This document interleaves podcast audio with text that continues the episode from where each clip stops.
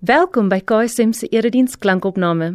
Nadat jy hierdie boodskap geluister het, sal ons dit regtig waardeer as jy die boodskap rate of in Afrikaans gestel beoordeel en deel met ander. Jou terugvoer help ander om saam met ons die Jesuslewe te ontdek, omdat Jesus alles verander. Hier is vandag se boodskap. Ons Here Dankie dat ons deel kan wees van dit wat U op hierdie aarde doen. Here, dankie dat ons weet dat U ons nie vergeet het nie. Dankie dat ons weet Here dat U 'n saak het met ons.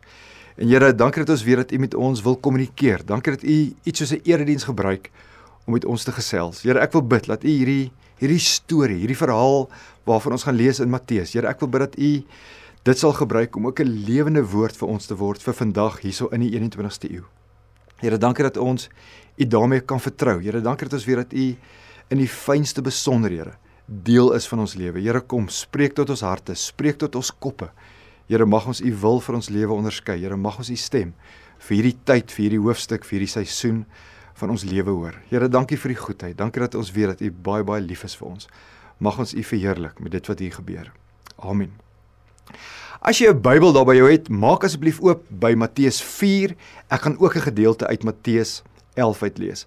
Nou almal van ons is mense en as jy 'n mens is, beleef jy net soos ek dikwels 'n klomp verskillende goeters. Ons ons leef op hierdie aarde en goed gebeur met ons en ons weet nie altyd hoekom dit met ons gebeur nie. Ek aanvaar meeste van ons wat na hierdie boodskap kyk is Christene of jy's oop vir die Christelike geloof en meeste van ons bid en baie baie keer bid ons, maar die Here beantwoord nie ons gebede soos wat ons wil hê hy dit moet beantwoord nie. Ander kere weer vra ons vir mooi goed, vir positiewe goed. Maar daai tipe goed kom nie na ons kant toe nie. Ons vra dikwels vir geleenthede, maar die geleenthede doen hulle self nie aan ons voor nie. Van ons is alleen, van ons is single, van ons bid en hoop op 'n lewensmaat. Maar maande gaan verby, jare gaan verby en daai daai prins op die perd kom net nie. Baie van ons is op soek na 'n werk. Ons is op soek na 'n ander werk, 'n beter werk. Maar dan stuur jy jou CV in, jy stuur 'n e-pos maar die mense aan wie die e-pos gestuur het, reply nie eers nie. Hulle sê nie eers vir jou dankie, maar jy was onsuksesvol nie. Baie keer wil ons hê die Here moet vir ons deure oopmaak, maar om een of ander rede bly daai deure net toe. En dit is waaroor vandag se boodskap gaan. Wat gemaak as die deure waarvoor ons so hard bid, wat gemaak as daai deure gewoon net nie wil wil oopgaan nie. Jy dalk op ons bemarking gesien dat vandag se boodskap gaan oor wanneer ons persepsie van Jesus Christus verander. Nou daar's baie redes hoekom ons persepsie van Jesus Christus kan verander. Ons kyk vandag net na een rede en dis die ding as hierdie deure wat ons so graag wil hê moet oopgaan, as daai deure toe bly. Dit het gebeur met Johannes die Doper. Johannes die Doper is hierdie interessante figuur waarvan ons in die Nuwe Testament lees. In 'n sekere tyd van sy lewe het hy net gewens dat 'n sekere deur sal oopgaan, maar daai deur het nie oopgegaan het nie. Omdat dit ook ons storie is, omdat ons storie en die stories van die Bybel dikwels oorvleuel, kyk ons vandag na 'n verhaal uit die lewe van Johannes die Doper. Nou kom ons begin sommer by die begin. Johannes die Doper is gebore en hy so min of meer plus minus 6 maande ouer as Jesus Christus. Johannes die Doper en Jesus Christus was familie. Jesus het hom geken. Jesus het van hom gehou. Jesus was lief vir hom. Johannes die Doper het het gegroei, hy het 'n volwasse man geword en hy het gewerk, hy het gepreek rondom die Jordaanstreek en hy was die die superster prediker van die dag van oral oor. Die mense uit Jerusalem, die mense uit Judea, die mense van die Jordaanstreek het na hom toe gestroom. Ook Jesus het op 'n stadium na Johannes die Doper toe gegaan. En Jesus is ook deur Johannes gedoop. Die interessante rag, dat 'n dag aangebreek wat Johannes die Doper vir sy volgelinge gesê het: "Julle Julle moenie vir my meer volg nie. Daar's die persoon wat julle moet volg. Hy wys na Jesus Christus en hy sê Jesus Christus is die is die een wat gevolg moet word. Hy moet meer word sê Johannes en ek moet minder word. Johannes die Doper sê hy's nie eers werd om die sandale van Jesus los te maak nie. Johannes die Doper was vas oortuig dat Jesus die seun van God is, dat hy die Messias is, dat hy die gestuurde is. Hy sê en ons lees daarvan aan die begin van die Johannes Evangelie. Hy sê en dit is asof hy stip na Jesus kyk en dit is asof hierdie sin ook met 'n uitroepteken begin en hy sê kyk, daar is die lam van God wat die sonde van die wêreld wegneem. So Johannes die Doper het 'n baie hoë dink gehad van Jesus Christus. Hy het geweet toe hy besig was met sy aardse bediening daai rondom die Jordaanrivier, hy het geweet wie Jesus Christus is. Hy was vas oortuig dat hy die gestuurde is. Nou die interessante is Johannes die Doper het hierdie hoë dink van Jesus gehad. Nou die vraag sal wees, wat het Jesus van Johannes die Doper gedink? En ons lees in die evangelies daarvan. Jesus sê op 'n stadium: "Voorwaar, amen, ek sê vir julle, onder diegene wat uit vroue gebore is." Nou, hoor hierdie taal wat Jesus gebruik. Onder diegene wat uit vroue gebore is, is daar niemand groter as Johannes die Doper nie. Nou, jong mense, kinders, hierdie is hierdie is so interessant wat Jesus hier sê. Jesus sê as almal op hierdie aarde op 'n lyn moet staan. En ons vra die vraag: Wie is van almal wat op hierdie streep op hierdie lyn staan? Wie van hulle is die belangrikste? Dan sal Jesus sê Johannes die Doper is die belangrikste. Almal van ons, almal van ons wat leef is uit 'n vrou uitgebore. So Jesus sê van almal wat nog ooit gebore is, staan Johannes die Doper eerste. Nou ek kan my indink hoe van die disippels wat nou nie regtig op hulle monde geval is nie. Iemand soos Petrus, iemand soos Thomas, hoe hulle vir Jesus sou gesê het, maar Jesus, wag so bietjie. Is Moses nie belangriker as Johannes nie? Is Abraham nie belangriker nie? Is koning Dawid nie belangriker nie? Is Elia of Elisa of Salomo of Job of Noag, is hulle nie belangriker as Johannes die Doper nie?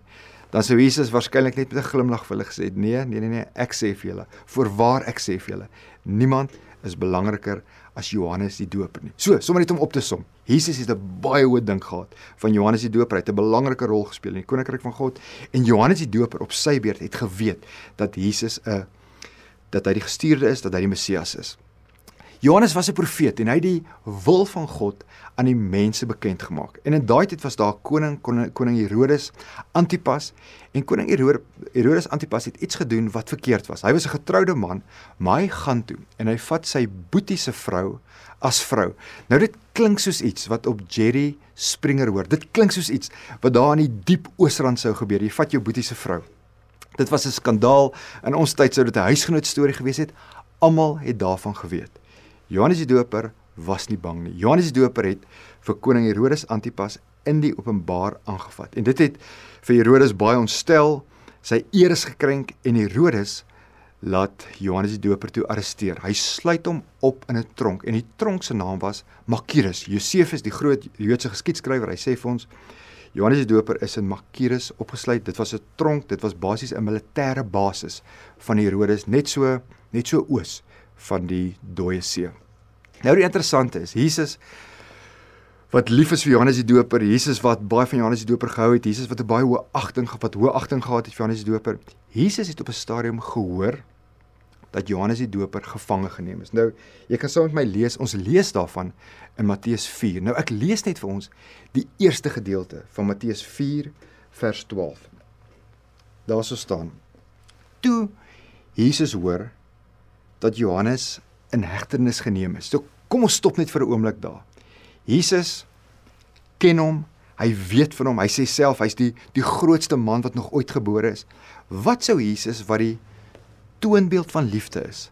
Wat sou Jesus doen toe hy hoor sy sy neef of sy kleinneef is in die tronk opgesluit? Wat wat dink jy het Jesus gedoen? Het hy het hy hom besoek? Het hy 'n 'n pakkie beskuit vir hom gestuur. Het hy dalk twee van sy disippels, dalk vir Johannes en vir Jakobus. Hulle was waarskynlik ook familie van Johannes die Doper. Het het Jesus hierdie twee disippels, die die seuns van die donder, het hy hulle geroep en gesê gaan besoek gou 'n bietjie vir Johannes die Doper. Het hy, het Jesus Christus 'n engel of engele gestuur om Johannes die Doper te gaan besoek? Het Jesus 'n 'n wonderwerk verrig? Kyk wat sê die teks vir ons. Matteus 4 vers 12 en vers 13. Ek lees vir ons weer die eerste gedeelte en dan lees ek vir ons vers 13. Toe Jesus hoor dat Johannes in hegtenis geneem is, het hy na Galilea teruggekeer. Hy het Nasaret verlaat en in Kapernaum by die see gaan woon in die gebied van Sebulon en Naftali. Nou baie keer as ons as ons Bybel lees, dan skiep ons oor die plekname. Ons steur onsself nie daarin nie. Nou hier's dit baie belangrik. Dis nie altyd belangrik om te te let op die pleknaam nie. Vir hierdie verhaal vir vandag se boodskap is dit verskriklik belangrik. Hierdie Makirus, hierdie tronk, hierdie militêre basis waar Johannes die Doper opgesluit is, was in die suide. Dis in die woestyn, dis in die wildernis, dis glad nie 'n mooi plek nie. So dis in die suide van Israel. Toe Jesus hoor dat Johannes opgesluit is, toe gaan Jesus noord. Hy gaan na die water toe. Hy gaan na die see toe. En ons taal vandag kan ons sê hy gaan na 'n kusdorpie toe. Hy gaan na Kapernaum toe. Kapernaum is 'n baie baie mooi dorpie. As jy gewoon vandag net sit en jy Google bietjie Kapernaum, sal jy sien hoe mooi dit daar is. So Johannes die Doper sit in die suide. Hy's in hierdie dorre barre woestyn en waartoe gaan Jesus? Jesus beweeg in die teenoorgestelde rigting. Jesus beweeg weg van Johannes die Doper af. En daar en daar sit hy. Hy sit in hierdie dungeon. Dae gaan verby. Weke gaan verby, maande gaan verby en sy omstandighede verander nie. Die interessante is terwyl terwyl Johannes die Doper hier in die tronk sit, is Jesus besig om wonderwerk op wonderwerk op wonderwerk te doen. Ons lees in Matteus 8 dat Jesus 'n melaatse gereinig het.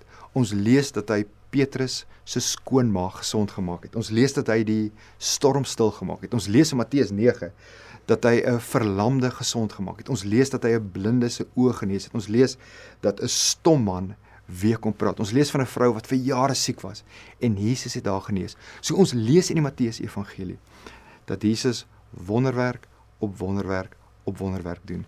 Johannes sit hier onder in die woestyn in die tronk en hy kry geen wonderwerk nie.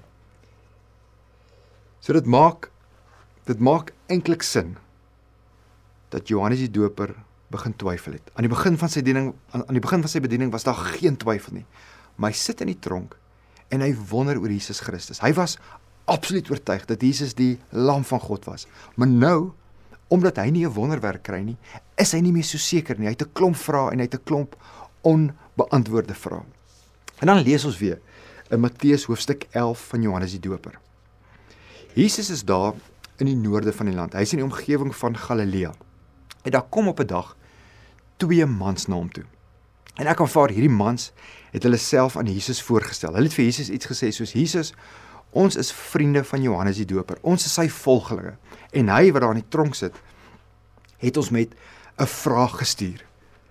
En hy wil hê ons moet wat hy ook al vir hom wat hy ook al vir ons sê, ons moet hierdie antwoord na hom toe terugvat. En ek dink Jesus het het hulle stip in die oë gekyk en vir hulle iets gesê soos wat is dit? Wat wat 'n vraag het julle? Vra dit gerus. En dan dan lees ons hierdie vraag, Matteus 11 vers 3. Hierdie twee mans, hierdie twee wat deur Johannes gestuur is, vra vir Jesus hierdie kort eenvoudige vraag. Hulle sê vir hom: "Is u die een wat sou kom of moet ons iemand anders verwag?" Is u die een wat moes kom? Dis asof hierdie twee mans vir Jesus vra: "Jesus, is is u regtig Jesus?" Jesus is u regtig die een wat deur God gestuur is? Is u die Messias? Is is u die Here van die Here? Is u die koning van die konings? Johannes die Doper sit daar in die tronk. U is die een wat vir almal wonderwerke doen. U u doen nie vir hom 'n wonderwerk nie. Is u die een wat sou kom? Ons ons voel dikwels soos wat Johannes die Doper voel. Ons is in die in die woestyn, ons is in die wildernis. Maar die deure bly gewoon toe. En Jesus is by die see. Ons is in die woestyn. Jesus is by die see en ons voel maar sjo. Jesus, u kon u kon minstens kom hallo sê het. U kon minstens iemand gestuur het. Jesus, hier's 'n goeie posstelsel. Stuur net vir my 'n nota. Joe, dink aan jou. Jesus, dis al. En dis asof Johannes die Doper op 'n dag net gesê het genoeg is genoeg. Ek kan nie meer met hierdie twyfel saamleef nie. Ek gaan my vriende na Jesus toe stuur want in daai tyd was jy half afhanklik van jou vriende om vir jou kos in die tronk te bring. Die tronkowerhede het nie altyd vir die mense in die tronk gesorg nie. So as jou vriende nie vir jou kos gebring het nie, dan het jy gesterf van die honger.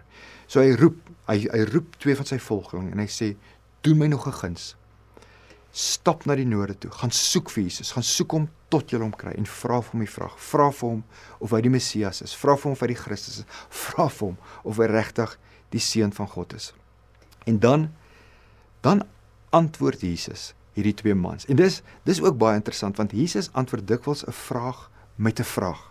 Maar Jesus antwoord hierdie twee mans op 'n baie baie besondere en unieke manier. Ons kry dit ook in Matteus hoofstuk 11. Jesus sê vir hierdie twee mans: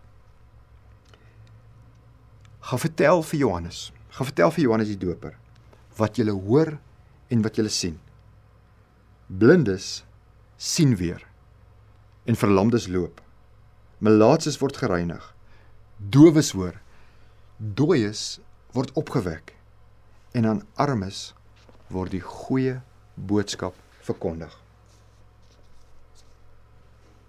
Gaan sê vir Johannes dat ek die een is wat wonderwerke doen. Gaan sê vir Johannes dat ek die een is wat wonderwerke doen vir 'n klomp ander mense. En dis dis dikwels ons storie. Ons is in 'n in 'n gat, ons is in die vallei van doodskare weer. Ons hoor en ons sien en ons luister na die getuienisse van ander mense. Mense wat net sê hulle hulle beleef die goedheid en die guns van die Here. Ons hoor hoe mense sê hulle leef uit hierdie woorde waarvan ons lees in Psalm 23. Net net goedheid en guns sal my volg al die dae van my lewe en ek sal tuis wees in die huis van die Here tot 'n lente van daal. Ons hoor hoe ander mense dit beleef.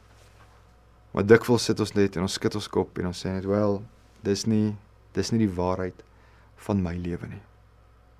Maar Jesus se antwoord stop nie daar nie. Dit is so dat hy sê ek sien een wat wonderwerke doen. Blinde sien, malaatses word gereinig, dooies word op. Dit is sodat ek daaiene is. Maar dan sê Jesus ook die volgende en ek lees vir ons uit die 1983 vertaling. Jesus sê die volgende: En gelukkig is elkeen wat nie aan my begin twyfel nie. Johannes. Johannes wat daar in die tronk sit. Johannes ou neef. Gelukkig is jy as jy nie aan my begin twyfel nie. In my gees is oog sien ek sommer hoe Jesus, hoe Jesus vir Johannes die doop, doop net oogknop en vir hom sê Johannes, ek weet van jou. Ek weet van jou. Gelukkig is jy. Jy's welgeluksalig. Jy's dubbel gelukkig as jy nie aan my begin twyfel as ek nie vir jou 'n wonderwerk doen nie. Gelukkig is die mens. Geseënd is die mens wat my stilte nie as afwesigheid interpreteer nie. Ons lees in die 2020 vertaling Jesus sê en gelukkig is die mens wat nie aan my aanstoot neem nie. Gelukkig is die mens wat nie offended word as ek nie vir hom of vir haar 'n wonderwerk doen nie. So kerk sonder mure om af te sluit. Ons persepsie van Jesus Christus verander dikwels as as hy nie vir ons 'n wonderwerk doen nie, as hy nie daai deur vir ons wil oopmaak nie. Wat is Jesus se antwoord daarop? Bly by my. Bly glo. Jy's die gelukkigste mens op aarde as jy by my kan bly, maar nie begin twyfel nie. God weet wat hy doen. Hy weet hoekom hy sekere deure oopmaak en hy weet hoekom hy sekere deure toemaak. Ons sal dit waarskynlik nie op hierdie aarde verstaan nie. Daar's 'n boek in die Ou Testament, die boek Job, wat vir ons iets sê soos ons kan nie eers God se fisiese werke begryp nie. Hoe kan ons nog die die onsigbare, die transcendente wêreld van God begryp? Daar's 'n rede hoekom God sekere goeders doen. As sy kinders kan ons maar net en moet ons maar net op hom vertrou. Wat kan ons ook vir mekaar sê? Ons kan ook vir mekaar sê hierdie God wat ons Vader is, hierdie God wat lief is vir ons, kan alles ten goeie laat meewerk vir ons wat sy kinders is. Ons kan vir mekaar sê Jesus is een wat vir ons bid. Ek is redelik oortuig daarvan dat Jesus Christus vir Johannes gebid het, al was hy nie fisies by hom nie, maar meer as dit, Romeine hoofstuk 8, ook die die gees van God, die gees van Jesus Christus bid vir ons. Kerk sonder mure. Ons lees in die groot profete dat die Here sê, op 'n tyd wat ek goed dink, sal ek jou gebede verhoor. Mag ons daaraan vashou. Mag ons met hierdie wete leef dat niks ons van die liefde van God kan skei nie. Al gaan die deure nie oop wat ons wil hê moet oopgaan nie. Amen. Ons Here dankie dat ons tot U kan bid.